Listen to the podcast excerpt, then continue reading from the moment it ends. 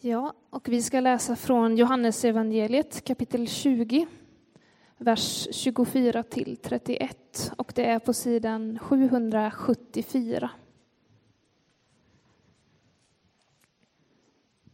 En av de tolv, Thomas som kallades Tvillingen, hade inte varit med när Jesus kom. De andra lärjungarna sa nu till honom, vi har sett Herren. Men han sa, om inte jag får se spikhålen i hans händer och sticka fingret i spikhålen och sticka handen i hans sida tror jag det inte. En vecka senare var lärjungarna samlade igen och Thomas var med. Då kom Jesus, trots att dörrarna var reglade, och stod mitt ibland dem och sa Frid åt er alla. Därefter sa han till Thomas Räck ut ditt finger här är mina händer. Räck ut din hand och stick den i min sida. Tvivla inte, utan tro. Då svarade Thomas, min Herre och min Gud. Jesus sa till honom, du tror därför att du har sett mig. Saliga de som inte har sett, men ändå tror. Också många tecken som inte har tagits med i denna bok gjorde Jesus i sina lärjungars åsyn. Men dessa har upptecknats för att ni ska tro att Jesus är Messias, Guds son, och för att ni genom att tro ska ha liv i hans namn. Så lyder det heliga evangeliet. Lovad vare du, Kristus. Vet du hur det är att vara en skeptiskt lagd person? Du vet när alla andra har verkat köpa grejen så är du en av dem som vill veta ännu lite mer. Du vill ha ännu lite mer fakta innan du bestämmer dig för någonting som är viktigt. Din personlighet den köper inte saker rakt av, utan du processar, du funderar, du gör rimlighetsanalyser. Och ibland kan det vara så att du till och med är kritisk mot dina egna argument. Är du en sån här personlighet så är den här, den här predikan speciellt till dig. Du ska få möta Thomas som är en av lärjungarna, av Jesu lärjungar. Och han var inte där när Jesus kom innanför deras reglade dörrar. Han missade det. Han missade när den uppståndne Jesus stod mitt ibland lärjungarna och önskade dem frid. Han missade när Jesus visade dem såren i sina händer och han missade när han hade andats helig ande på dem. Då var han inte där. Och när han kommer tillbaka och lärjungarna har liksom reglat upp dörren igen så att han kan komma in och släppa in honom, då får han höra den mest osannolika historia berättas för, för sig. Och lärjungarna är ju självklart eh, i gasen här, va?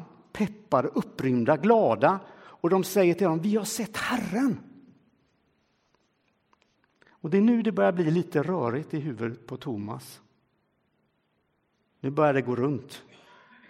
Är det verkligen rimligt att Jesus skulle ha varit här för kanske en timma sen? Här inne? Vad ska Thomas, givet den Eh, analytiska och skeptiska person han är, vad ska han göra med den här informationen som han får där? När vi i vår tid berättar om Jesu uppståndelse för människor så möter vi många människor som är precis som Thomas.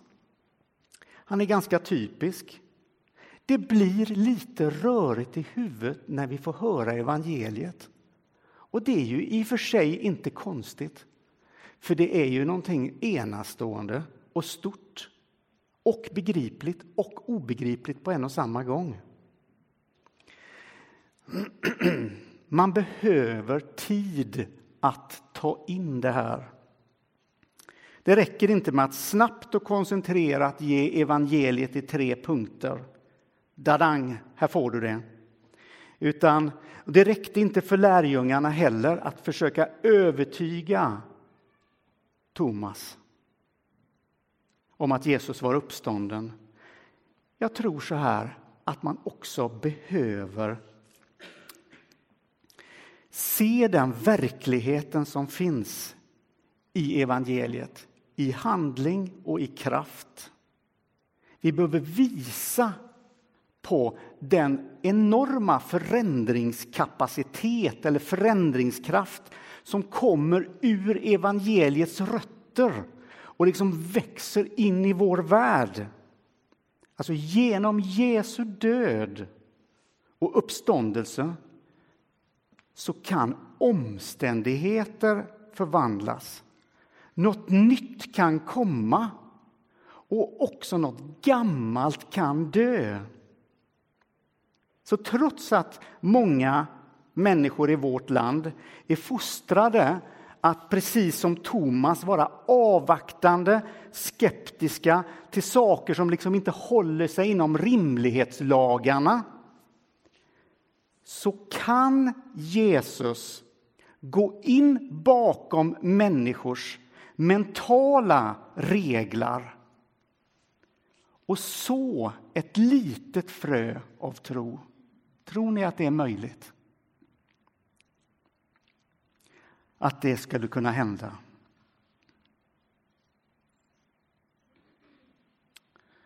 Och i den här processen, när Jesus gör det, när han stiger in i någon människa bakom dens reglade dörrar, så får vi vara med i det på ett hörn.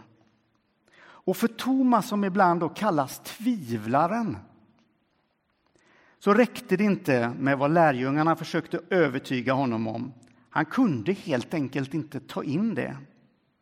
Det är klart att hade det varit Petrus som hade varit ute, vad han nu gjorde, men när han, när han, om det var han som hade missat hela grejen och kommit in igen, då kanske det hade sett annorlunda ut. Då kanske han hade tagit till sig allting där och då, i stunden utifrån den personligheten Petrus hade varit. Men nu var det Thomas som, var, som inte var där. Jag tycker mycket om kor. Det är väl ingenting att skratta åt. Det är mycket allvarliga saker. Kor skojar man inte bort. Det är någonting med deras livsinställning som är lockande. Kor, detta mångfacetterade och underskattade djur. Kons fyra magar intresserar mig. En ko äter lite grönt, sen tar det tid för, för, för den att processa det den har ätit, att idissla det som den har fått i sig. Det får ta den tiden det tar. Därför kons anatomi är skapad på ett sådant sätt. Precis som din personlighetstyp är skapad som du är. Vi idisslar och, och processar saker på olika sätt. En del är Thomas och en del är Petrus. Frikyrkan har ju historiskt sett passat bäst för snabba och beslutsorienterade personligheter. Idisslandets ädla konst och ifrågasättandet har inte haft så där jättestort utrymme. Och i väckelsekristendomen så har predikan, anslaget och tonen ofta varit inriktad till personer som inom sig har varit kapabla att ta snabba beslut. Avgörelsen har varit viktig. Att ta ställning, att vända om och gör det nu. Men vad har då hänt med alla de andra Thomas-personligheterna? Vem har hört och sett deras skav mitt i allt detta? De människorna som har kommit nära evangeliet men som inte har fått det utrymmet man behöver för att processa det. De som känner sig förtrogna med Tomas tveksamhet. Vem har sett deras skav? Vi är alla kallade att gå ut och berätta om påskens under för människor med, vår, med våran alldeles personliga stil, vårt eget ID. Det är, det är så vi ska göra. Och det, det är vår kallelse. För mig personligen så blev Rolf Gustafssons bok Ingen tid för snabba svar när den kom på 80-talet en, en hjälp att tänka bredare. Här hade vi en person som fanns med i Navigatörerna och levde mitt i studentvärldens frågor. Eh, på ett sätt så, så var den här boken en, en, en slags uppgörelse, som jag uppfattar den, med eh, den mekaniska förkunnelsen. Där vi någonstans skickar färdiga, paketerade budskap till människor. Och det här budskapet ska passa alla. För mig som ville se människor komma till tro och som har haft den där längtan i mitt liv så var det viktigt att höra honom resonera om att vi behöver ta att vi behöver ta vår utgångspunkt där folk verkligen är och i deras tempo och inte där vi önskar att de vore. Och jag tycker att det känns glädjande att se hur frikyrkan är på väg att mogna på den här punkten. Idag tar man mer hänsyn till hur, att, vi läm, att vi närmar oss tro på lite olika sätt. Man behöver helt enkelt olika tid. Och Det här har med idisslandet att göra. Och Thomas här då i vår berättelse, han vill ha han vill ha fysiska bevis, tydliga bevis för om han ska tro det som lärjungarna säger. Om jag inte får se spikhålen i hans händer och sticka fingret i spikhålet och sticka handen i hans sida så tror jag inte detta. Jag kan inte, jag kan inte, det går inte att få, nej, jag tror inte detta.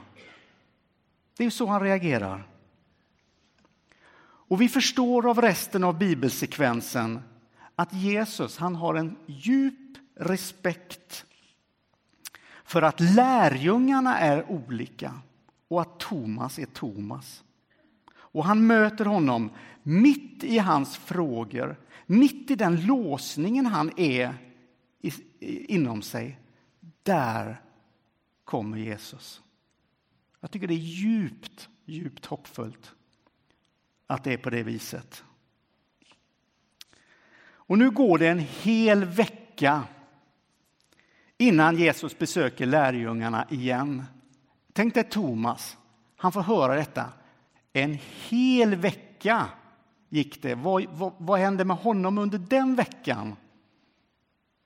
Men när den veckan hade gått så kommer ju Jesus igen. Plötsligt står den uppståndne inne där ibland dem igen. Och vad är det då som Jesus gör? Han vänder sig först till Thomas. Inte för att förebrå honom, inte för att läxa upp honom. Det första han säger, räck fram ditt finger. Och så utmanar Jesus skepsisen inom Thomas. Det som inte kan tro inom Thomas. Och när det går upp för, för Thomas att det här är sant, då utbrister han som jag tycker är en fantastisk trosbekännelse. Min Herre och min Gud. Då, då fattar han. Som den sista av lärjungarna i det här sällskapet.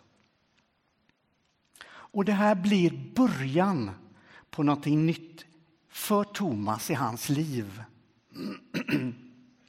Nu blir också han ett påskens vittne som lägger sitt liv på att tala om det förundliga som hände den där påsken i Jerusalem.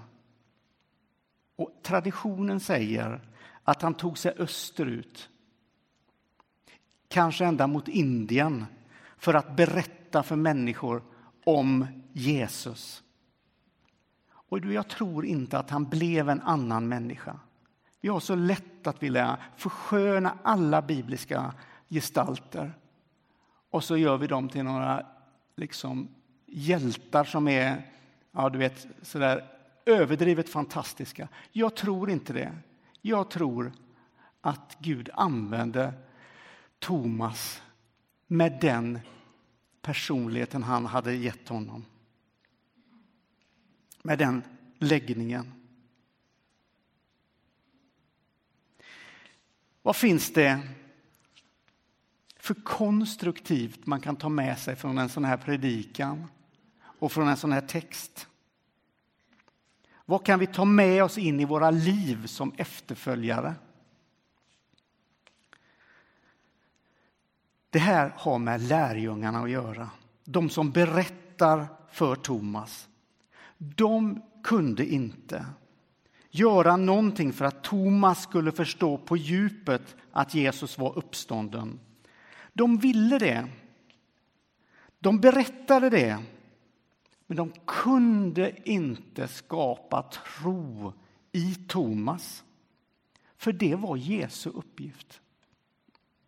Och här ligger en lärdom. Tro inte att för mycket hänger på dig. För det gör det inte. Jesus är den som gör jobbet. Jag har själv varit en person som har tagit ett för stort känslomässigt ansvar för människors frälsning. Jag har trott mig vara viktigare än vad jag är. Alltså jag har skrivit upp min betydelse när jag har mött människor, när jag har delat evangelium eller vad den, levt med människor, vad jag nu har sysslat med. Och det här har skapat en kramp inom mig som jag har fått jobba med och får jobba med ibland. Kanske har Gud tänkt så här till mig. Men Jonas, Jonas, vi har ju pratat om det här. Varför bär du saker som inte är din uppgift att bära? Varför släpper du inte det? Varför litar du inte på att jag kan göra det? Varför tar du mina arbetsuppgifter? Vill du göra mig arbetslös? Nej.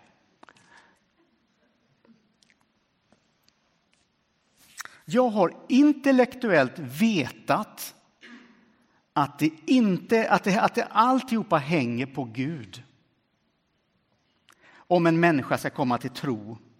Men här inne har jag känt som allting hänger på mig. Förstår ni skillnaden? Rätt här uppe, inte lika rätt där nere.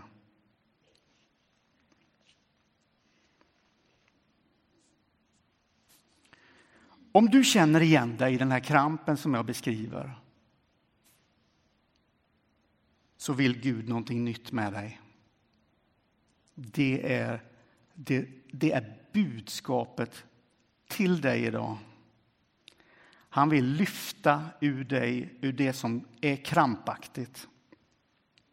Ut ur tröttheten kring den här frågan med, och kraven kring att vara en lärjunge som för vidare uppståndelsens under. Han vill leda dig in i en, lyssna nu, en aktiv vila. Ingen slö vila där du flummar omkring, utan en aktiv vila. Där du vilar i tanken och i hjärtat. Han gör jobbet och du får vara med. Jag skulle vilja uppmuntra dig och be till Gud om en ny start idag. Att släppa taget och göra det lilla så att Gud kan göra det stora. Släppa taget och göra det lilla för att Gud ska göra det stora.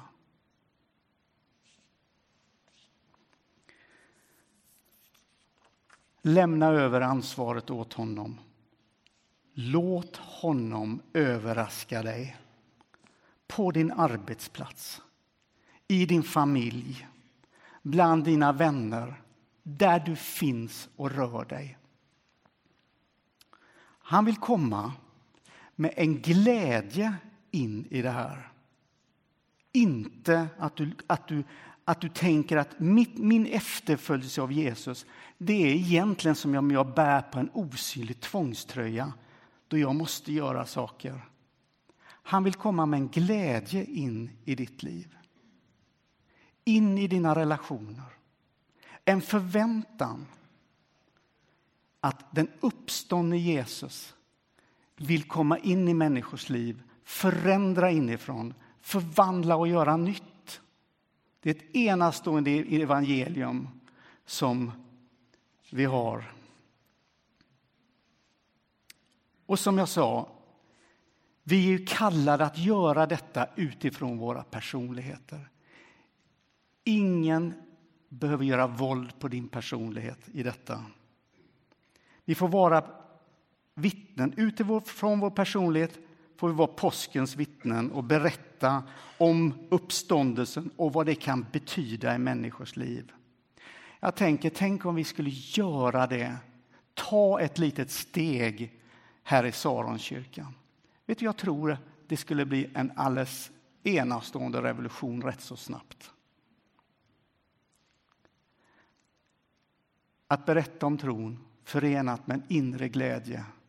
För den kommer, den ligger där som en källa som vill pulsera upp i ditt liv. Att du får vara rätt, i rätt position. Att ditt liv är liksom synkat i enlighet med Guds liksom riktning. Det är det Gud vill, tror jag.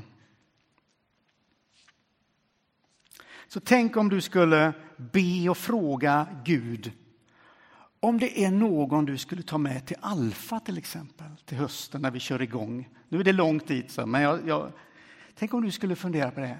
Och då är inte din uppgift, ja men då, jag, jag, jag måste, då, jag måste den, mest, den här personen måste bli kristen och jag, jag måste förmedla. Nej, din uppgift är begränsad.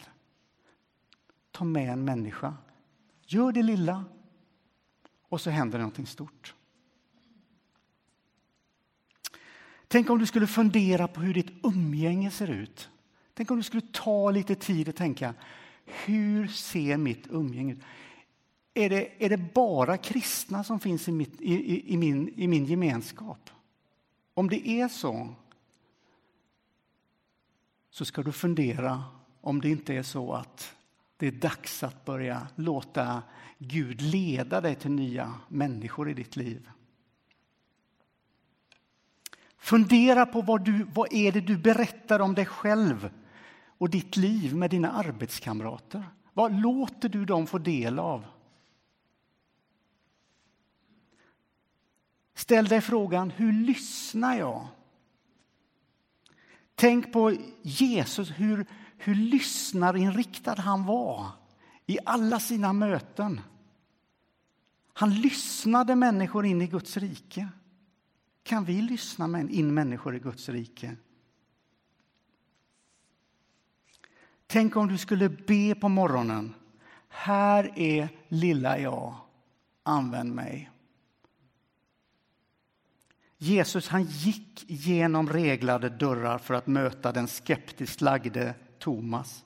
Och han kan göra det igen i våran tid, i våran församling, i ditt och mitt sammanhang. Gud är redo. Är du redo? Vi har precis firat påsk och nu är det dags att leva påsk. Amen.